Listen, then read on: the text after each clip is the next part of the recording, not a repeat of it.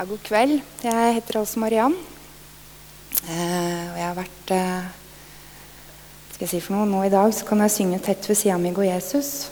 Men eh, sånn har det ikke alltid vært. Eh, for bare litt under tre år siden så var det mer 'Tett ved sida mi går Satan'. Og det er en mørk, dyster verden. Den er eh, kan karakterisere den som en svulst. Den spiser deg sakte, men sakte opp. Og til slutt så vil du dø. Og du vil dø fordi du ønsker åndsmakter velkommen inn i livet ditt. Men eh, jeg har lyst til å begynne, jeg har lyst til å gå litt tilbake, før jeg begynte i New Age. Eh, la meg si det sånn at jeg er ingen superkristen. Jeg har ikke alt på stell ennå. Jeg eh, faller, og jeg ramler. Jeg har fortsatt ting i mørket som jeg må gå i lyset med, men det er sår. Og sår, det er vondt å gi fra seg, men det er viktig. Og jeg tror vi alle har det. Alle har et eller annet sted inni her. For selv om man er frelst og får en ny ånd, så får man ikke en ny sjel. Og selv om man har gått med Gud og Jesus hele livet, så får man sår på et eller annet punkt. For det er tøft å være ung. Det er enda tøffere å være ung nå i dag enn når jeg var ung. Og det gir sår. Og noen av de kanskje største forkastelsesåra som man kan ha, det er eh, f.eks. hvis mor eller far drar fra en. Og det skjedde meg når jeg var tolv år. Når en omsorgsperson svikter, så skaper det et sår inni her. Et stort, stort sår som ligger og verker. Og det verker. Jeg begynte på skolen når jeg var syv. Og jeg har alltid vært eh, kraftig lita jente. Men eh, jeg starta som alle sjuåringer. Jeg eh, var glad. Jeg var blid. Jeg var en trygg liten unge. For jeg hadde kjærlighet hjemme. Jeg vokste opp med besteforeldrene mine og mammaen min. Men jeg passa ikke inn. Jeg passa ikke inn i de menneskenes, de barnas, verden. Fordi jeg var annerledes. Jeg var kraftig. Og noen opplever kanskje at de aldri får lov å komme inn i miljøet fordi de ser sånn ut. De har kanskje ikke de rette klærne. De kommer kanskje fra en familie med lite penger. ikke sant? Kan ikke følge moten. Et eller annet ting gjør at man ikke passer inn blant barn. Og vet dere hva? Barn kan være ondskapsfulle. Det kan være tøft. Og da får man talt ting over livet sitt som blir til en forbannelse. For når det sås noe inni sjelen fra du er liten, så vokser du opp, og du tror på det. Og den tingen blir en løgn i livet ditt. Og for meg så blei det også en løgn. Og det blei en ting som førte meg inn i mørket. Inn i en ondskap. For jeg trodde på det når de fortalte meg at eh, jeg var tjukk. Du blir aldri noe. Vi skal ta deg fordi du er tjukk. Jeg levde i ni år i et mareritt hvor jeg eh, Ja. Jeg har opplevd mye overgrep. Jeg, ble, jeg husker jeg kan ta et eksempel på hva jeg har gjennomgått. Da gikk jeg i eh, femte klasse, og vi var på innebadet i Drammen.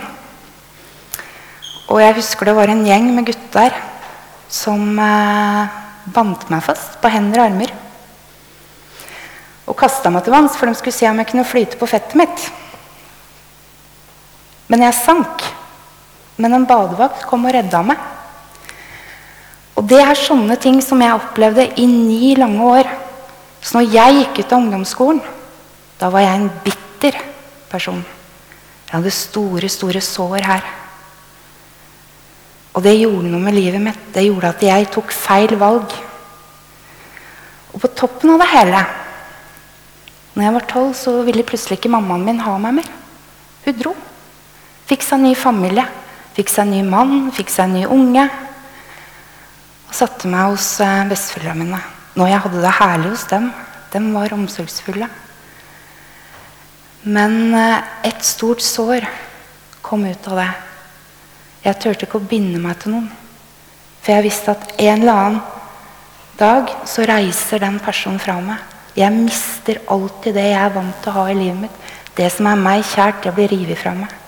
Så jeg bygde en mur her. Mennesket fikk ikke lov å komme inn i hjertet mitt. Og jeg tror mange har det sånn. Et eller annet sted i livet så får man talt ting over livet sitt. Det gjelder ikke bare meg. Det gjelder mange. Noen får kanskje høre at vet du hva, du får aldri til. Så dum som du er. Eller sånn som du ser ut, du får det vel aldri til.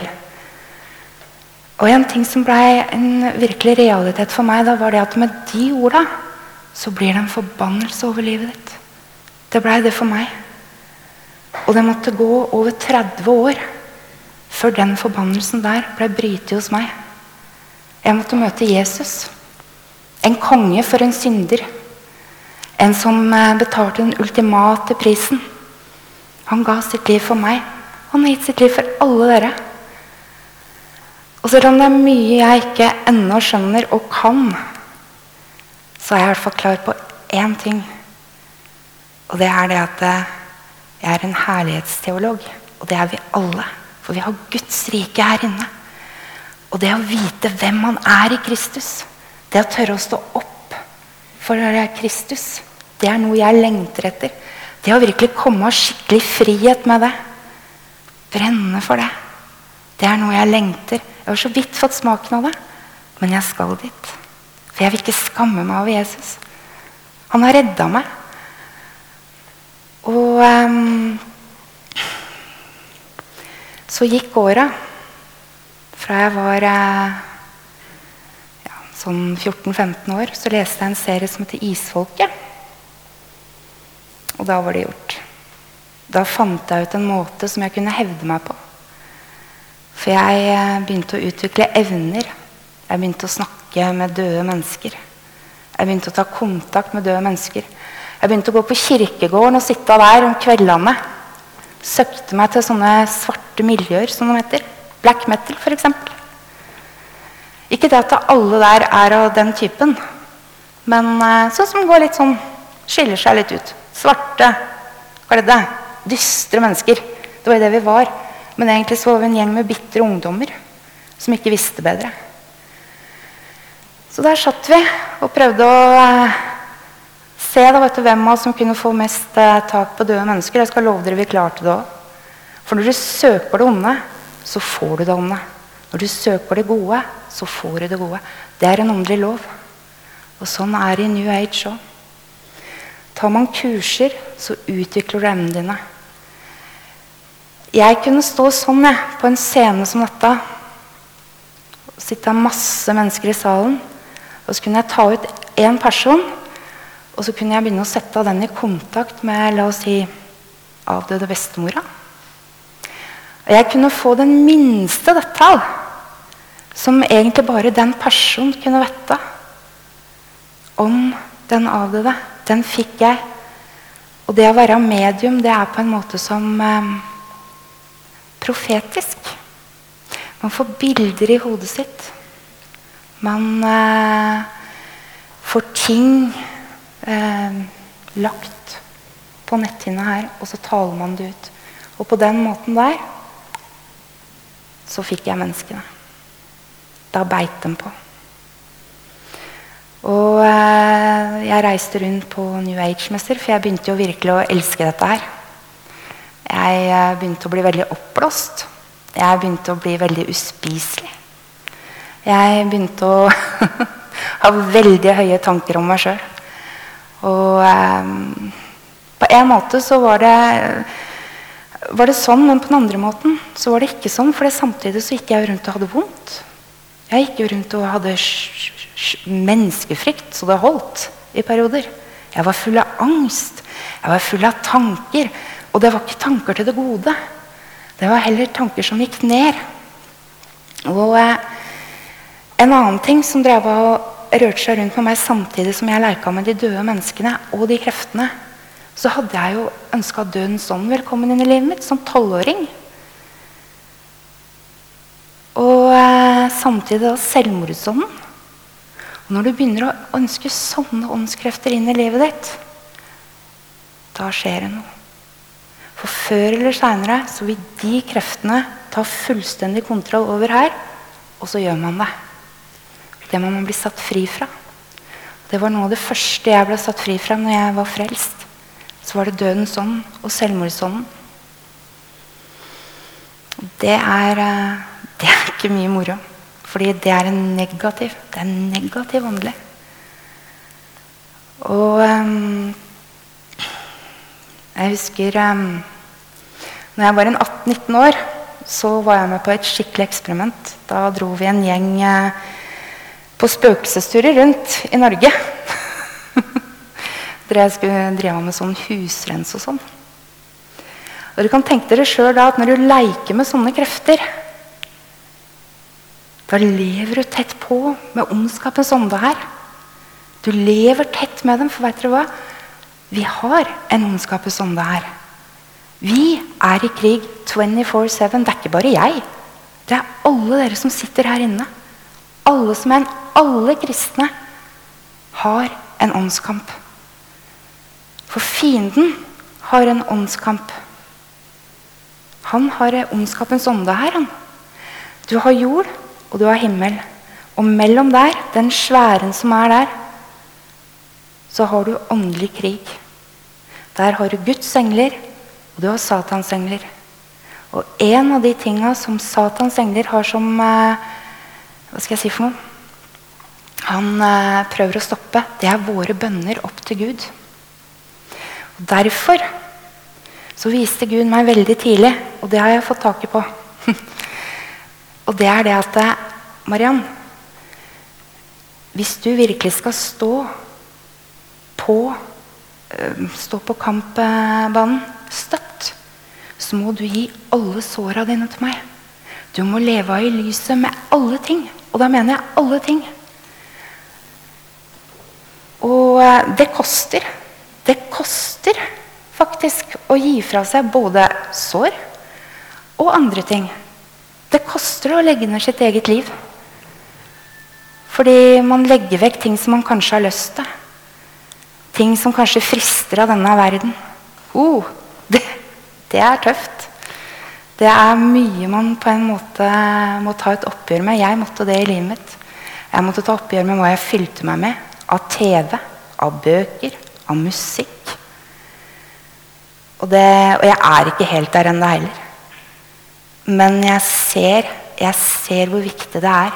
For skal jeg stå støtt på den arenaen som Jesu kriger, så må alt gis. Og det er verdt det. Og da er vi tilbake på det jeg snakka om i stad. Når vi har sår her, når jeg har sår her, og jeg blir sendt ut på den slagmarken Hvis det bare er forbindelse, så vil det blø. Det vil blø gjennom. Det er derfor det er så viktig for meg å gi alt til Jesus, sånn at han kan komme og lege det. At jeg kan bli satt fri fra alle ting som er talt over meg av forbannelser, av negative ord. For hvis man først blir satt fri Det er derfor Jesus kom òg. Kom for å sette meg i frihet. Det er det som er så viktig. Så alt jeg har i mørket det gjelder sår, for da kan man bli demonisert. De såra. Da kommer fienden til. Kommer han. Med tankekjør og med andre ting. F.eks. Um, tenke på et vers som står i Efeserne. Jeg vet ikke om dere noen gang har egentlig tenkt over hva dette vil si.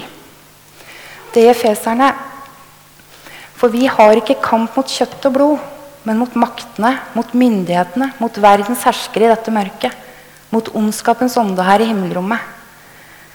For meg det var et av de første versene Gud ga meg. Det der. Og det er et av de få versene i Bibelen jeg har egentlig klart å skjønne og virkelig hatt åpenbaring om. Og det er ikke dårlig.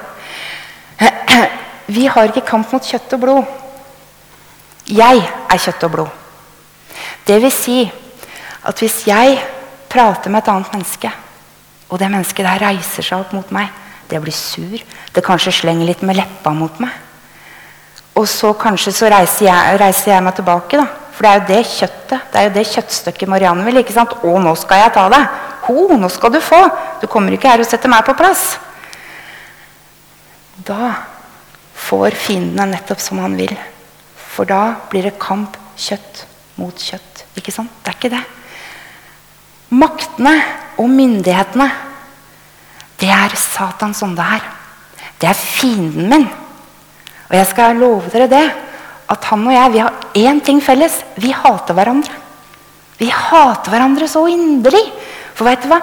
Han har tatt fra meg så mange år av livet mitt. Så mange år av livet mitt som jeg faktisk kunne ha møtt Jesus. Det har han kjørt på. I det ene har han gitt meg ting, sånn at jeg virkelig kunne stå på scenen og tale liksom med de døde. Ærlig talt, du kan ikke prate med de døde, for det er demoner. Demoner har vandra på jordas overflate siden den ble grunnlagt. Og vet dere en annen ting som det første fienden satte løs på denne jorda? Det var frykt. Og Fra jeg var liten, så var det én ting jeg lærte å kjenne, og det var frykt. Det var frykt for hva mennesker trodde om meg, hva mennesker sa om meg. Jeg frykta at alle var ingen som kunne bli glad i meg. Ingen i det hele tatt. Det er menneskefrykt, det. Og det er det fienden elsker. Derfor, når et menneske reiser seg opp mot meg i dag, det første jeg tenker på, det er Å nei, du Satan. Her skal ikke du få lov til å komme. Så går jeg i bønn. Jeg reiser meg, og så bruker jeg Guds ord. For det, det er maktene og myndighetene jeg har kamp mot. Ikke den personen som står kanskje og skjeller meg ut. Og en annen ting er det at Gud han har bedt meg om å gjengjelde alt. Alt ondt. Det skal gjengjeldes med godt. For gjør jeg det, som jeg har begynt å erfare så vidt nå, som jeg så vidt har fått et lite snev inni huet mitt på det er det at i det øyeblikket jeg gjengjelder ondt med godt, da har jeg Gud med meg. Og Det har jeg prøvd og erfart, og det begynner jeg å få teften av nå. Og det føles herlig. Så hver gang som et menneske reiser seg opp mot meg, så proklamerer jeg det verset der.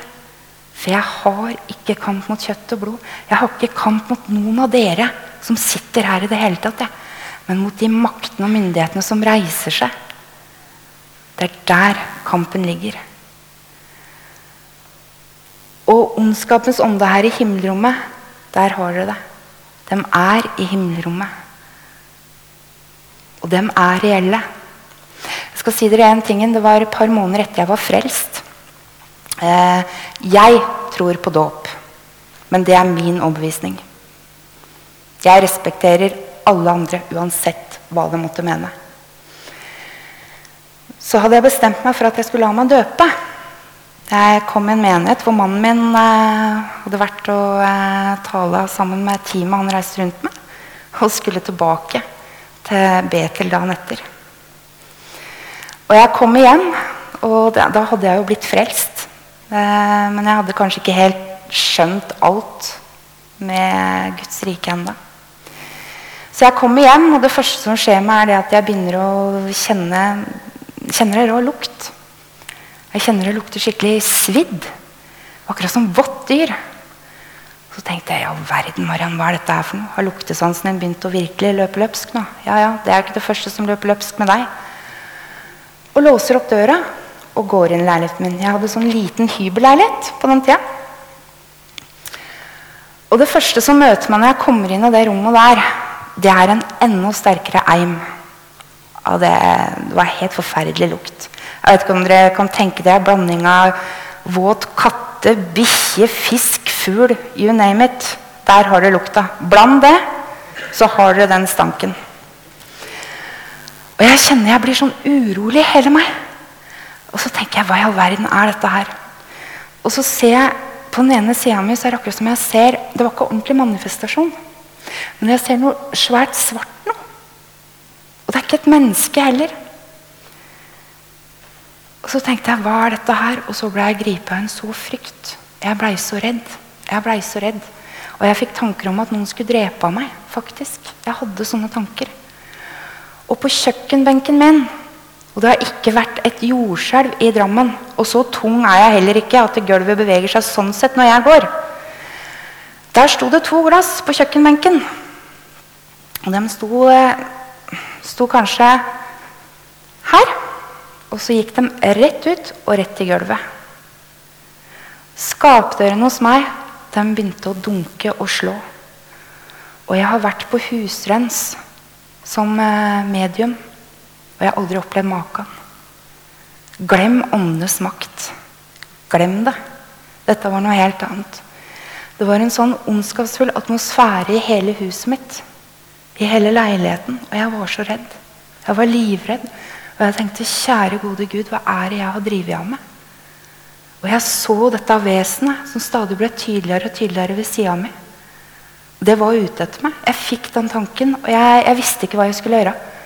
Jeg, så jeg bare greip bibelen min og satte meg i sofaen. Dette var halv to om natta. Og jeg visste ikke hvor jeg skulle slå opp i Bibelen, for å få hjelp, så jeg begynte på side én. Altså Gud skapte og leste meg del for del for del gjennom Bibelen. Og til slutt så fikk jeg en tanke at vet du hva, nå kan du gå og legge deg. Gå. Du er trygg, barnet mitt. Gå. Og da turte jeg. Da tror jeg jeg hadde sittet oppe to-to og en halv time. Og jeg gikk inn på soverommet mitt. Og vet dere hva? Døra til soverommet den gikk innover. Tenk dere sjøl ei dame på straks 36 år som fysisk er så redd at hun presser senga si mot døra. Og meg skal det mye til for å skremme på den måten der, altså, for jeg har vært med på mye. Jeg har vært inne i mørket så det holder. Jeg har holdt på med satanisme og det som er. Men jeg skjøv den senga inntil, sånn at ingen skulle komme inn på det soverommet og ta meg. For jeg turte ikke å stole på Gud engang. Jeg turte ikke å gi han den kontrollen der og stole på at han skulle holde meg trygg. Selv om jeg la meg på den tanken. At jeg var trygg. Og jeg sov godt, det. Og det første jeg gjorde morgenen etter, det var å ringe Terje og kjefte på han. Er det du har sendt meg ut på noe? Nei, dette skal jeg ikke. Nå har du gitt meg kamp. Men jeg gjorde det. Og for meg så var det løsningen.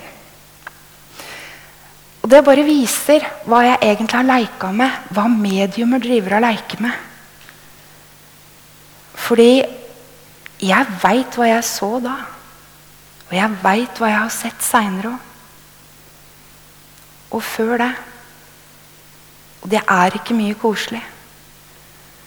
Og de kreftene, de kreftene som er i sving, det er helt vanvittig.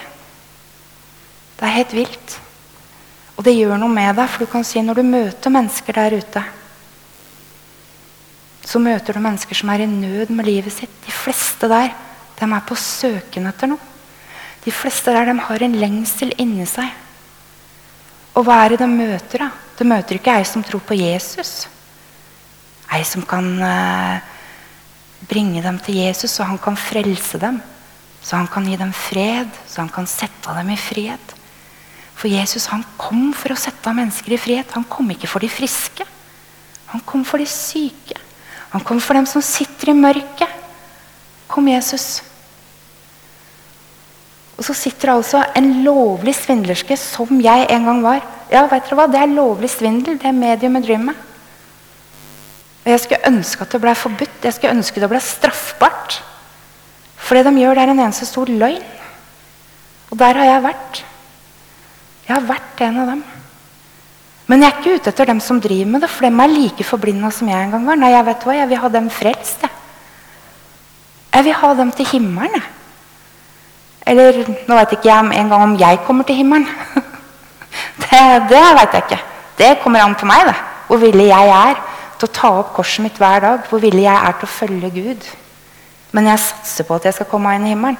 Og jeg akter ikke å komme inn i himmelen med bremsespor jeg, før Jesus sin trone. Da skal det stå bremsespor etter meg. Så jeg satser på at jeg kommer dit. Men de menneskene som går på alternativmesse, det er mennesker som hadde trengt å møtt oss. Dere òg, faktisk. For vet dere hva? Vi har alle, det er ikke bare meg, alle dere som sitter her, har fått nådegaver. Det er noe Jesus, det er noe Gud har gitt dere. Dere er Guds barn, akkurat sånn som meg. Jeg er ikke noe mer spesiell enn dere. Vet du hva? Jeg er faktisk under dere. For Guds ord sier at jeg skal akte alle andre høyere enn meg sjøl. Det vil dermed si at jeg skal akte dere høyere enn meg sjøl. Og det gjør jeg. Og jeg må ærlig innrømme det. Jeg er livredd for ungdom. Jeg er faktisk det. Jeg er livredd for ungdom. Så At jeg står her nå, det skjønner jeg ikke. Men vet du hva, jeg er det fordi jeg har så dårlige minner med ungdom. Jeg har sånn skrekk i meg for ungdom. At eh, jeg er heller den som løper, og så løper jeg bort til det gamle, de eldste. Gjerne det mest tunghørte òg, for da kan jeg bare skravle. Og det er det som er moro. Men Gud har gitt meg nåde til å stå her framfor dere i dag. Og det er um, For meg så har det vært, det har vært en lang vei. Og jeg sier ikke at vet du hva, det er ikke enkelt å være kristen. Jeg har i hvert fall ikke enkle dager. Hele livet. Hele tida som jeg går med Jesus. Man vil møte kamp. Jeg møter kamp daglig. Jeg står i ting daglig. Jeg, noen ganger så står jeg og seirer og kjenner skikkelig Yes, denne kampen tok jeg! Yes, Satan, nå tok jeg innersving på det! Halleluja! Gjør det vondt? Yes! Ikke sant? Men andre dager oh, Skulle vært flue på veggen hjemme hos Terje og meg. Andre ganger så er jeg som en liten drittunge, rett og slett. Da vil jeg ikke være frelst engang, for det gjør så vondt. Full av selvmedlidenhet, så det ligner ikke grisen. Som en sånn der liten, liten drittunge, rett og slett. Som eh, 'Nei, pappa, dette vil jeg ikke.' 'Nei! Dette vil jeg ikke! Ha det unna!' De er slemme mot meg. De er ekle mot meg. Det er egentlig flaut at ei dame på 38 år er sånn, men ja, jeg er det. Jeg er skikkelig pyse noen ganger. Og skikkelig full av sånn selvmedlidenhet. Men det er sår. Det er sår som kommer til syne. Og det er det, det er det, Gud på en måte driver og prøver å fortelle med deg. Men Mariann, hvis du gir det til meg, så er ikke det noe problem mer. For du veit vel det, Mariann, at selvmedlighet, det er synd? Ja da, Gud, jeg veit jo det, men nei, nei, nei, hold deg unna. Dette er mitt. Og så blir det sånn, da, vet du, sånn Pappa og barn i butikken, f.eks. Ungen vil ha sjokoladen, og pappa vil ikke. Mm -hmm. Noen ganger vinner jeg, andre ganger vinner jeg ikke. Det er liksom sånn, Men det som er så fantastisk, som jeg syns er så moro, da, er det at eh, jeg kjenner at Gud er med. Jeg har med en levende Gud å gjøre. Og jeg tenker på det at eh, jeg vil ikke tilbake til det livet. det, eh, selv om på mange måter jeg syns det var fantastisk å reise Norge rundt og tale med døde mennesker og være med på å ønske mediumer som Colin Fry, Lisa Williams velkommen til Norge, så ga det meg ingenting. For når jeg kom hjem, så var jeg fortsatt ensomme, utstøtte, gamle Mariann.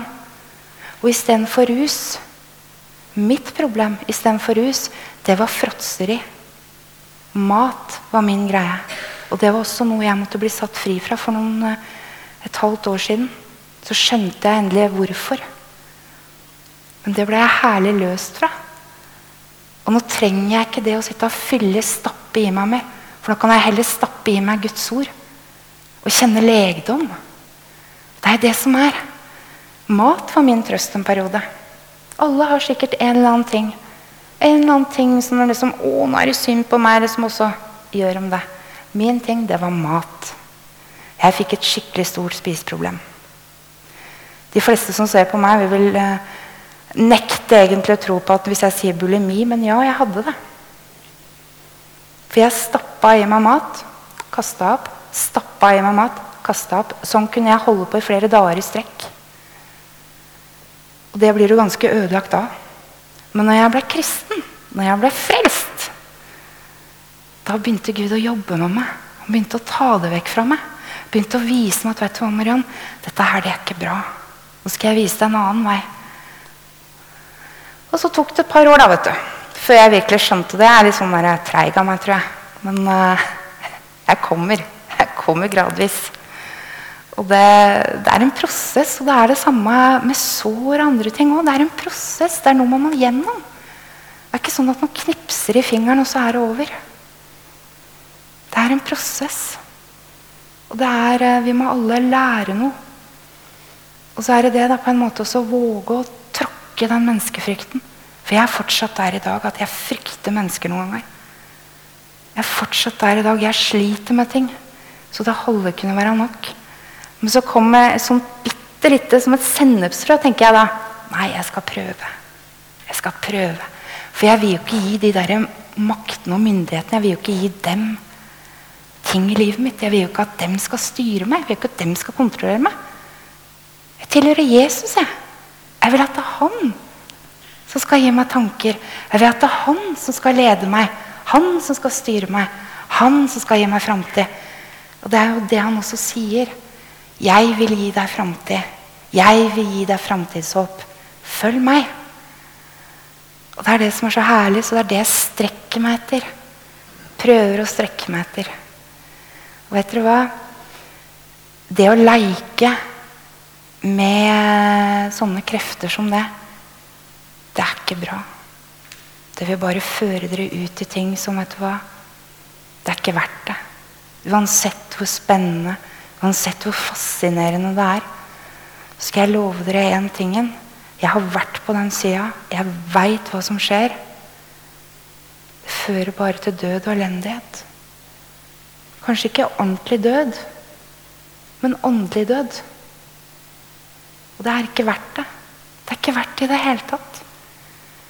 For meg så er det viktig å se på Jesus. Og jeg vet ikke med dere, men jeg syns det er kjempemoro å stå på Jesus' sin side, seierherrens side, og kjempe mot demonene. Det er det jeg syns er kult. Endelig Det er ikke noe rart det, de kjenner enn meg. vet du. Jeg har en gang stått side ved side med dem, men nå er jeg ute med Guds sverd. Virkelig fekter. Og jeg har fått sansen for fekting òg. det hadde jeg aldri trodd. Jeg har likt boksing, da. Så nå driver jeg med sånn skyggeboksing. vet du. For vi skal ikke ha det synlig for dem, vi skal ha det usynlige. Så da vet du, da blir det sånn skyggeboksing. da. For da må vi liksom på en måte se det usynlige. Og så har, vi, har jeg det for øyet, og så bare skyter jeg ut. vet du. Og så tar jeg på meg Guds fulle rustning. da, vet du. Trer hjelmen godt over øra når jeg klarer dette. da, vel å merke, For det er ikke alltid. Det er noen ganger dem virkelig tar skyggeboksing på meg òg. Men når jeg klarer det, da, så trer jeg denne hjelmen, vet dere, festningen til Gud, den trer jeg godt over øra, så hører jeg ingenting. For beskytt, Det er jo derfor hjelmen er til. Beskytt sinnet. For det er der fienden kommer til som nummer én. Virkelig, altså Når han virkelig får røra opp i tankene mine, da sliter jeg. Og så tar jeg på meg brynja. Brynja beskytter sjelen. Og så beltet og sverdet, som er Guds ord. Så fekter jeg mot dem. Og da går det bra. De gangene jeg husker på det. Så um, får vel jeg begynne å avslutte, for Terje skal på. jeg er sånn, vet jeg er typisk jente. jeg vet det. det, men vet du hva? det har vært skikkelig stor ære for meg å få lov å komme her til dere i dag. Så har jeg vært litt nervøs, så må dere tilgi meg for det, for dette er første gangen. Første gangen jeg står her.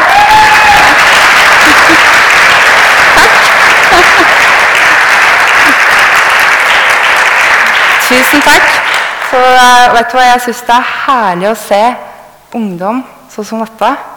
Og jeg veit at Gud har store planer for dere. Og jeg vet du hva, jeg, Gud velsigne dere. Stå på. Det, han er med. Så takk for meg.